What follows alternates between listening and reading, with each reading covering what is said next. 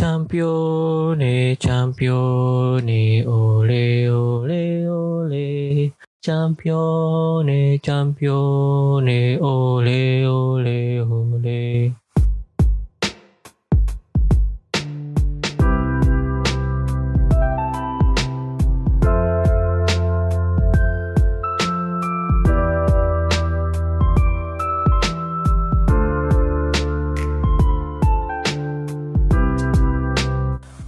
Assalamualaikum warahmatullahi wabarakatuh. Selamat pagi, siang, sore, dan malam. Kembali lagi di Interisme Podcast Podcast yang bahas berita-berita seputar Inter Yang gue kutip dari sosial media Dan portal-portal berita olahraga.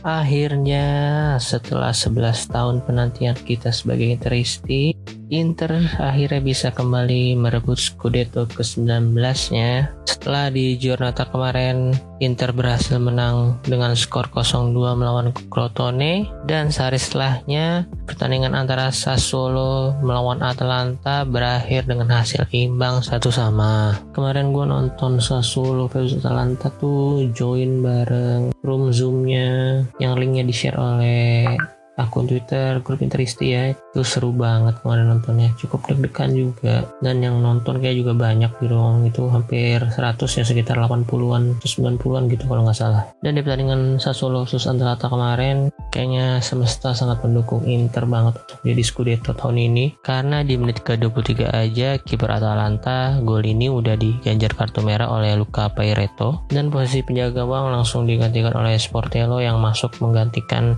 Pesina tapi justru Atalanta bisa unggul lebih dulu dari golnya Robin Gosens pada menit ke-32. Meskipun begitu, akhirnya Berardi pada menit ke-53 bisa mencetakkan gol penyeimbang dari detik penalti dan memang keputusan penaltinya udah tepat ya menurut gue juga. Dan gak lama berselang dari gol Berardi, sebenarnya Locatelli juga berhasil mencetakkan gol. Cuman sayang kalau nggak salah Muldur atau Berardi waktu itu yang memberi assist udah dalam posisi offside. Jadi gol itu harus dianulir oleh VAR.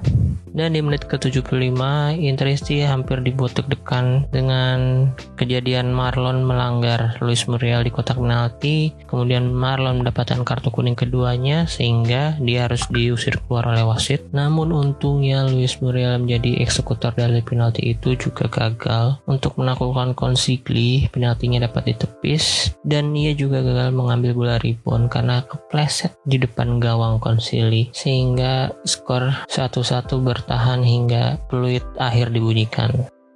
Dan kita semua interesi yang ada di room zoom itu langsung ngechance dan nyanyi-nyanyi. Seru banget ya kayaknya juga sempet direkam juga. Ya suatu pengalaman yang menarik juga ngobar tim lawan tim tapi dari zoom. Oke sebelum membahas tentang Scudetto Inter, mungkin kita sedikit membahas pertandingan Inter kemarin dulu juga ya. Kemarin Inter cukup mendominasi ketika melawan Crotone, walaupun di menit awal Onas langsung memberikan ancaman ke gawang Handanovic, cuman tendangannya masih bisa diamankan oleh Handanovic kemarin. Dan secara statistik Inter juga cukup unggul di berbagai aspek. Di possession unggul 60 banding 40%, shootsnya 23 banding 6, shoot of targetnya 5 banding 2 on targetnya 10 banding 1 dari complete pass dan passing akurasi juga Inter cukup jauh unggul dan corner juga 11 banding 4 tapi jumlah save-nya lebih unggul Rotone ya dengan 4 banding 1 karena Inter juga banyak melakukan tendangan ke gawangnya. Yang menarik justru Inter kemarin menyerang lewat tengah lebih banyak dibandingkan biasanya karena Inter biasanya lebih sering menyerang dari sisi kanan di mana di situ ada Hakimi. Kalau dari statistiknya Serie A nih Inter attack through the middle dengan sebanyak 13 kali, lewat kanan 11 kali dan lewat kiri 12 kali. Stefano Sensi juga nggak menyia-nyiakan kesempatan yang diberikan oleh Conte yang menunjuknya sebagai starter di pertandingan kali ini. Jumlah shots on targetnya Stefano Sensi adalah yang paling banyak dengan 4 kali shoot walaupun belum berhasil mencetak gol cuman penampilan sesi kemarin terjadi titik baliknya sehingga dia bisa main bagus di sisa pertandingan atau meneruskan tren positifnya di musim depan semoga aja dia nggak dilepas Inter musim ini karena kerap mengalami kebuntuan akhirnya Conte langsung mengganti tiga pemainnya di menit ke-65. Ia masukkan Sanchez, Perisic dan Eriksen untuk menggantikan Lautaro, Sensi dan Darmian. Dan hasilnya dari proses kerjasama yang apik Eriksen, Alexis dan Lukaku di menit ke-69 Eriksen dapat cetakan gol dari luar kotak penalti lagi. Tendangan keras kaki kanannya agak sedikit deflection dan mengecoh Kordas sehingga dia tidak bisa menepis bolanya dari tiga gol yang udah dicetakkan Eriksen musim ini semuanya berasal dari luar kotak penalti ya. Satu dari tendangan bebas ketika melawan Milan di Coppa dua ketika melawan Napoli tendangan kaki kiri dari luar kotak penalti juga dan yang terakhir kemarin dari luar kotak penalti juga. Unggulan Inter 1-0 akhirnya menarik Crotone untuk lebih menyerang dan mengincar gol karena kalau kalah di pertandingan itu Crotone udah pasti dinyatakan degradasi dari Serie A. Sehingga hal itu harus membuat pasukan Serse Cosmi lebih menyerang lagi. Hasilnya di seperempat pertandingan memang Crotone lebih sering menyerang Inter. Hingga di menit ke 90 plus 1 Crotone dapat tendangan bebas dari sisi kiri pertahanan Inter. Kalau nggak salah waktu itu yang ngambil si Junior Mesaya ya. Dan beberapa pemain Crotone udah bersiap di kotak penalti. Kayaknya hanya menyisakan satu atau dua gitu di luar kotak penalti Inter. Cuma tendangan bebasnya waktu itu bisa dihalau oleh back Inter kalau nggak salah. Bastoni atau Skriniar ya. Kemudian bola liar yang dihalau ke luar kotak penalti Inter berhasil direbut oleh Barella. Lalu Barella melakukan counter attack bersama Hakimi dan Lukaku kayaknya ya. Dan bola dioper ke Hakimi, Hakimi tinggal merasakan bola ke gawang Kordas. Cuman kayaknya agak sedikit beruntung juga ya karena bolanya ngolong di kaki Kordas kemarin. Gol tersebut sebenarnya sempat diprotes oleh pemain Crotone karena Barella dianggap melakukan pelanggaran. Cuma wasit tetap mengesahkan gol itu dan meniup peluit panjang untuk menutup pertandingan. Untuk man of the match bagi gue si Hakimi kemarin ya. Karena kemarin dia bisa menyerang dan bertahan sama baiknya. Mencetakkan satu gol juga. Untuk Lukaku sayang banget kemarin golnya harus dianulir padahal dia bisa memutus rentetan tanpa golnya di lima pertandingan akhir Inter. Cuma Perisic udah tertangkap dalam posisi offside ketika menerima operan dari Lukaku. Sebenarnya tuh di menit ke 82 lewat 13 detik biasanya Lukaku bisa ngoper aja tuh langsung ke Eriksen. Cuman kayaknya Lukaku nggak pede ya sama sprintnya Eriksen. Apalagi waktu itu dia dikejar sama Junior Messiah. Ya tapi kita berharap aja di sisa 4 pertandingan Lukaku bisa mencetakkan seenggaknya 2 atau 3 gol lagi lah. Sebenarnya nggak perlu menjadi top skor karena Ronaldo juga udah jauh dengan 27 gol sedangkan Lukaku baru 21 gol. Cuma kayaknya kalau dia nambah 2 gol plus satu assist lagi Lukaku harusnya bisa jadi MVP Serie A musim ini. Oke, ngomong-ngomong Scudetto, sekarang gue mau sedikit merangkum beberapa fakta atau trivia menarik di balik gelar Scudetto ke-19 Inter. Seperti biasa, fakta-fakta ini gue kulik dan mayoritas itu gue dapet dari sosial media dan yang paling banyak dari Twitter.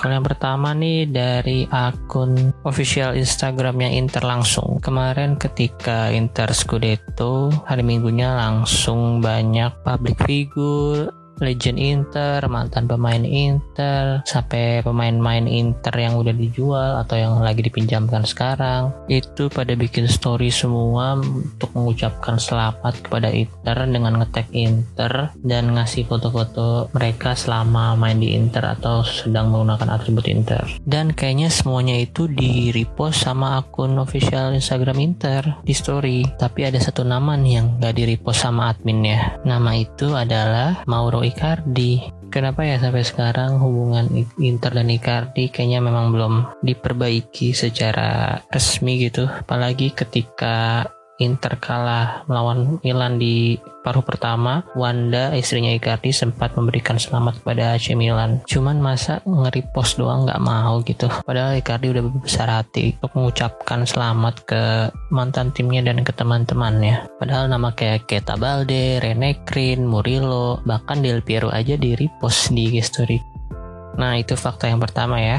Kalau yang kedua, ah, sebenarnya ini sih agak cocok logi juga. Kalau Inter mengunci gelar Scudetto ke-19-nya di giornata keempat, kalau di Indonesia itu lagi di hari ke-19 Ramadan, pertandingan Crotone lawan Internya, dan didapatkan di kala pandemi COVID-19. Ya, jadi ada banyak angka 19 di Scudetto ini. Si kebetulan doang dan cocok logi gue aja.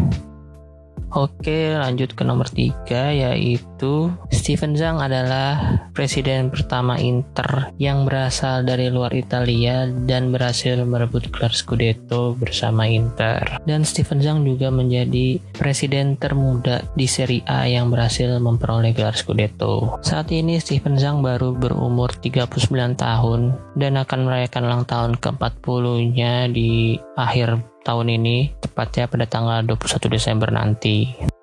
Kemudian yang keempat, ternyata 11 tahun penantian kita ini bukan yang terlama di sepanjang sejarah Inter. Karena Inter sempat 17 tahun tidak mendapatkan gelar Scudetto satupun dari musim 1988-89 hingga musim 2005-2006. Walaupun di rentang tersebut Inter berhasil mendapatkan piala lainnya seperti Coppa Italia dan Europa League atau waktu itu masih UEFA Cup.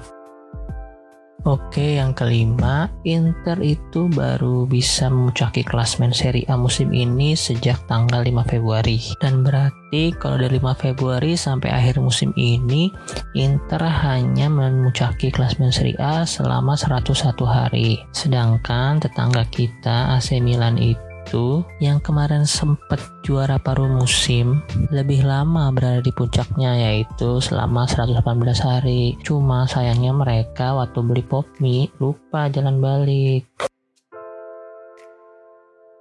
Kemudian fakta yang keenam adalah Inter membutuhkan tiga presiden yaitu Moratti Erick Thohir dan Steven Zhang serta 13 kali pergantian pelatih untuk mendapatkan Scudetto yang ke-19 ini. Nama ke-13 pelatih itu adalah yang pertama Rafael Benitez, kemudian di pertengahan karena performanya nggak bagus, Benitez digantikan oleh Leonardo. Karena Leonardo nggak mau melanjutkan kepelatihannya di Inter, dia digantikan oleh Gasperini. Gak lama abis itu digantikan oleh Ranieri. Kemudian satu musim ke depan diganti Stramaccioni, musim depan diganti lagi ke Mazzari, kemudian balik lagi ke Roberto Mancini. Bersama Mancini sempat dua musim juga, tapi tetap gagal untuk dapetin Scudetto lagi. Dan seharusnya pada musim 2016 tetap Mancini pelatihnya, cuman tiba-tiba sebelum musim berlangsung Mancini digantikan oleh Frank De Boer. Frank De Boer juga ternyata nggak lama jadi pelatih Inter karena performanya kurang bagus. Kemudian diganti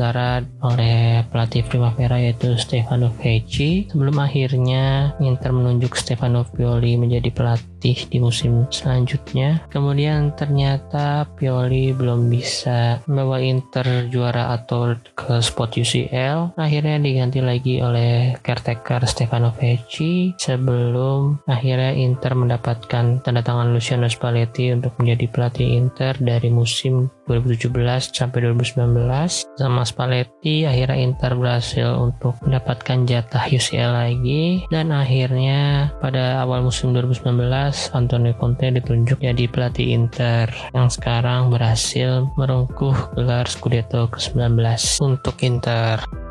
Oke, fakta ketujuh nih, kita mulai masuk ke Conte. Kita udah tahu semuanya kalau Ibrahimovic itu memang cukup sering untuk menjuarai liga domestik bersama tim-timnya di mana pun dia bermain. Sejak dari tahun 2003, kalau dia bermain full season bersama satu tim itu, dia selalu menjuarai liga domestik. Dan faktanya dia cuma gagal tiga kali sampai musim ini dan tiga-tiganya itu itu digagalkan oleh tim yang dilatih oleh Antonio Conte pada tahun 2011-2012 saat dia main full season bersama Milan musim itu. Juara Liga Italia adalah Juventus yang dilatih oleh Antonio Conte. Kemudian pada musim 2016-2017 ketika Ibram main di MU, juara Liga Inggris adalah Chelsea yang saat itu dilatih Antonio Conte. Dan yang terakhir pada musim ini yaitu 2020-2021 Liga Italia dimenangkan oleh Inter yang dilatih oleh Antonio Conte juga. Tadi gue highlight full season ya karena sebenarnya pada tahun 2020 itu Ibra udah main di Milan. Cuma dia kan masuknya pas winter atau di pertengahan musim kan jadi nggak dihitung full season Oke, untuk fakta ke-8, ada satu nama yang selalu mendampingi pelatih Inter di kala Inter berhasil mendapatkan Scudetto. Sosok ini ada ketika Roberto menjadi pelatih Inter di journey pertamanya yaitu dari tahun 2004 sampai 2008, kemudian bersama Jose Mourinho 2008-2010 dan sekarang bersama Conte dari 2019. Nama tersebut adalah Gabriele Oriali atau yang sering dipanggil Lele. Sosok mantan striker Inter ini memang nggak secara langsung kelihatan ya. Cuman gue yakin si Lele ini adalah orang yang penting di squad Conte saat ini maupun di squad Inter sebelumnya. Dan perannya itu kayak seperti kayak konsultan mungkin ya bagi Conte dan manajemen. Jadi itu jadi kayak penyeimbang di antara tim Conte bersama pemain-pemainnya dan tim manajemen. Dan sering kali dia juga kelihatan di pinggir lapangan bersama Conte dan sangat sangat emosional ketika Inter berhasil mencetakkan gol sehingga bisa memberi semangat lebih bagi pemain-pemain Inter yang sedang bermain di lapangan ataupun yang lagi di bench. Oke, untuk fakta yang kesembilan, pasti ini kalian udah sering lihat di sosial media dan memang lagi banyak diomongin di berbagai macam platform sosial media, yaitu fakta kalau Conte adalah pelatih pelatih yang mengawali hegemoni Juventus untuk menjuarai Serie A 9 kali berturut-turut. Pada musim 2011-2012, Conte berhasil menjuarai Serie A bersama Juventus, kemudian meneruskannya di musim 2012-2013 dan 2013-2014. Setelah itu, Conte digantikan oleh beberapa nama pelatih dan hingga akhirnya ketika saat ini ia melatih Inter Milan. Di musim 2020-2021 akhirnya Conte berhasil meruntuhkan rentetan gelar Scudetto Juventus dan berhenti di angka 9 kali berturut-turut. Dan bisa jadi nih Conte juga bisa memperoleh gelar di musim berikutnya bersama Inter. Jadi tiga kali berturut-turut juga. Kemudian Conte diganti pelatih lainnya kayak Simeone atau Esteban Cambiaso. Dan ketika Inter udah 9 kali berturut-turut hegemoninya dipatahkan lagi oleh Conte yang mungkin di masa depan akan melatih Pordenone. Kan nggak ada yang tahu.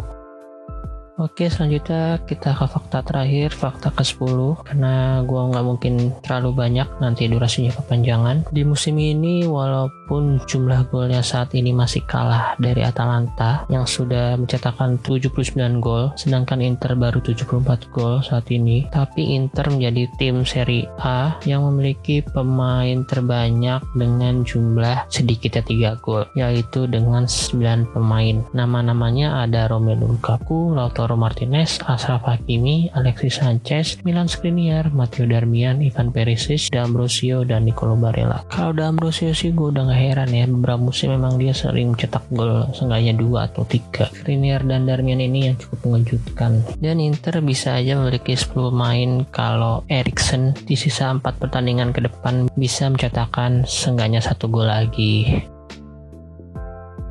Oke, selanjutnya gue akan sedikit membahas tentang preview pertandingan Inter versus Sampdoria yang akan bertanding besok hari Sabtu tanggal 8 Mei jam 23 waktu Indonesia Barat. Kedua tim ini udah gak ada bebannya baik Inter maupun Sampdoria. Inter sudah dipastikan juara, sedangkan Sampdoria udah dipastikan tidak akan terdegradasi atau pun masuk ke zona Liga Eropa tahun depan. Dan kayaknya kedua tim akan saling main terbuka lepas saling jual beli serangan. Kalau prediksi formasi Gazeta Conte tetap akan memainkan Handanovic. Kemudian untuk posisi back akan diisi oleh D'Ambrosio, Ranocchio dan Bastoni. Wingback memainkan Hakimi dan Asli yang untuk tengahnya Vecino dipercaya untuk mengisi posisi Brozovic dengan didampingi oleh Eriksen dan Gagliardini. Sedangkan untuk posisi striker diisi oleh duet Lukaku dan Alexis Sanchez. Sebenarnya sih harapan gua Conte akan merombak total seluruh squadnya dan tentunya akan memainkan Yunus Radu menggantikan Samir Handanovic tapi kayaknya kali ini Conte akan berusaha untuk membalaskan kekalahan Inter di paruh pertama dengan skor 2-1 untuk kemenangan ke Sampdoria kemarin. Harusnya sih kalau Inter main tanpa beban biasanya main bagus dan hasilnya akan maksimal seperti tahun lalu ya. Kalau tahun lalu setelah pertandingan Inter melawan Fiorentina yang berakhir imbang 0-0 Juve sudah dipastikan juara karena poinnya tidak akan terkejar lagi oleh tim mana pun termasuk Inter yang berada di posisi 2 saat itu. Dan setelahnya di tiga pertandingan terakhir Inter. Melawan Genoa, Napoli, dan Atalanta Inter bisa memenangkan ketiga pertandingan itu. Dan dengan clean sheet pula semoga aja Inter bisa mengulanginya lagi tahun ini. Dan walaupun Conte masih memainkan beberapa nama yang sudah sering starter di pertandingan sebelumnya semoga Conte bisa memanfaatkan lima pergantian pemain babak kedua dan bisa memberikan beberapa menit ke pemain yang jarang main terutama Pinamonti dan Sensi ya. Kemudian untuk Sampdoria sendiri mereka juga kayaknya nggak terlalu menurunkan 100% formasi terbaiknya. Walaupun ada nama-nama seperti Gabbiadini, Quagliarella, dan Kandreva, menurut Gazeta Nama seperti Keta Balde, Damsgaard, Yoshida, dan Ramirez akan memulai pertandingan dari bangku cadangan. Tren Sampdoria di lima pertandingan terakhir juga nggak terlalu buruk karena berhasil memenangkan 3 dari 5 pertandingan. Cuman untuk prediksi pertandingan, gue tetap optimis Inter akan bisa memenangkan dengan skor 3-0. Dua gol dicetak oleh Romelu Lukaku dan satu gol lagi dicetak oleh Benamonti yang semoga bisa bermain dari menit ke-65 lah. Udah segitu aja untuk prediksinya dan harapan gue sebenarnya sih Conte akan melakukan beberapa rotasi dan mencoba semua pemain yang dimilikinya saat ini sekaligus untuk memberikan kesempatan kepada mereka yang jarang main sehingga mereka bisa membuktikan apakah mereka layak atau tidak untuk bermain di Inter musim depan. Uh, kemudian gue mau ngumumin kalau mulai Giornata 35 Interisme Podcast akan mengadakan kuis yang berhadiah saldo OVO, GoPay, Shopee atau pulsa sebesar 50.000 untuk satu orang pemenang. Caranya gampang, tinggal menebak persentase ball position Inter ketika melawan tim yang dihadapinya. Untuk syarat, format, dan cara mengikuti kuisnya ada di tweet yang dipin di profil Twitter Itrisme Media. Dan bagi kalian yang dengerin sebelum hari Sabtu jam 22.45 silahkan langsung aja ikutan kuisnya atau buat kalian yang kelewat dan baru dengerin pengumuman ini bisa mengikuti mengikuti kuis di Giornata ke 36 karena gue akan melakukan kuisnya sampai Giornata 38 atau sampai akhir musim karena itu merupakan bagian dari dasar gue kalau Inter juara musim ini sebelum Giornata terakhir oke gitu aja pengumumannya Terima kasih untuk kalian semua yang udah mau dengerin. Mohon maaf kalau ada kesalahan informasi atau penyebutan. Dan tolong share podcast ini dan di follow semua akun sosial medianya. Dan jangan lupa juga kalau kalian mau ngasih saran atau masukan boleh langsung melalui DM sekarang udah bisa melalui Twitter atau Instagram. Di kolom reply atau komen Instagram juga boleh. Sekali lagi terima kasih. Arif Widersi Forza Inter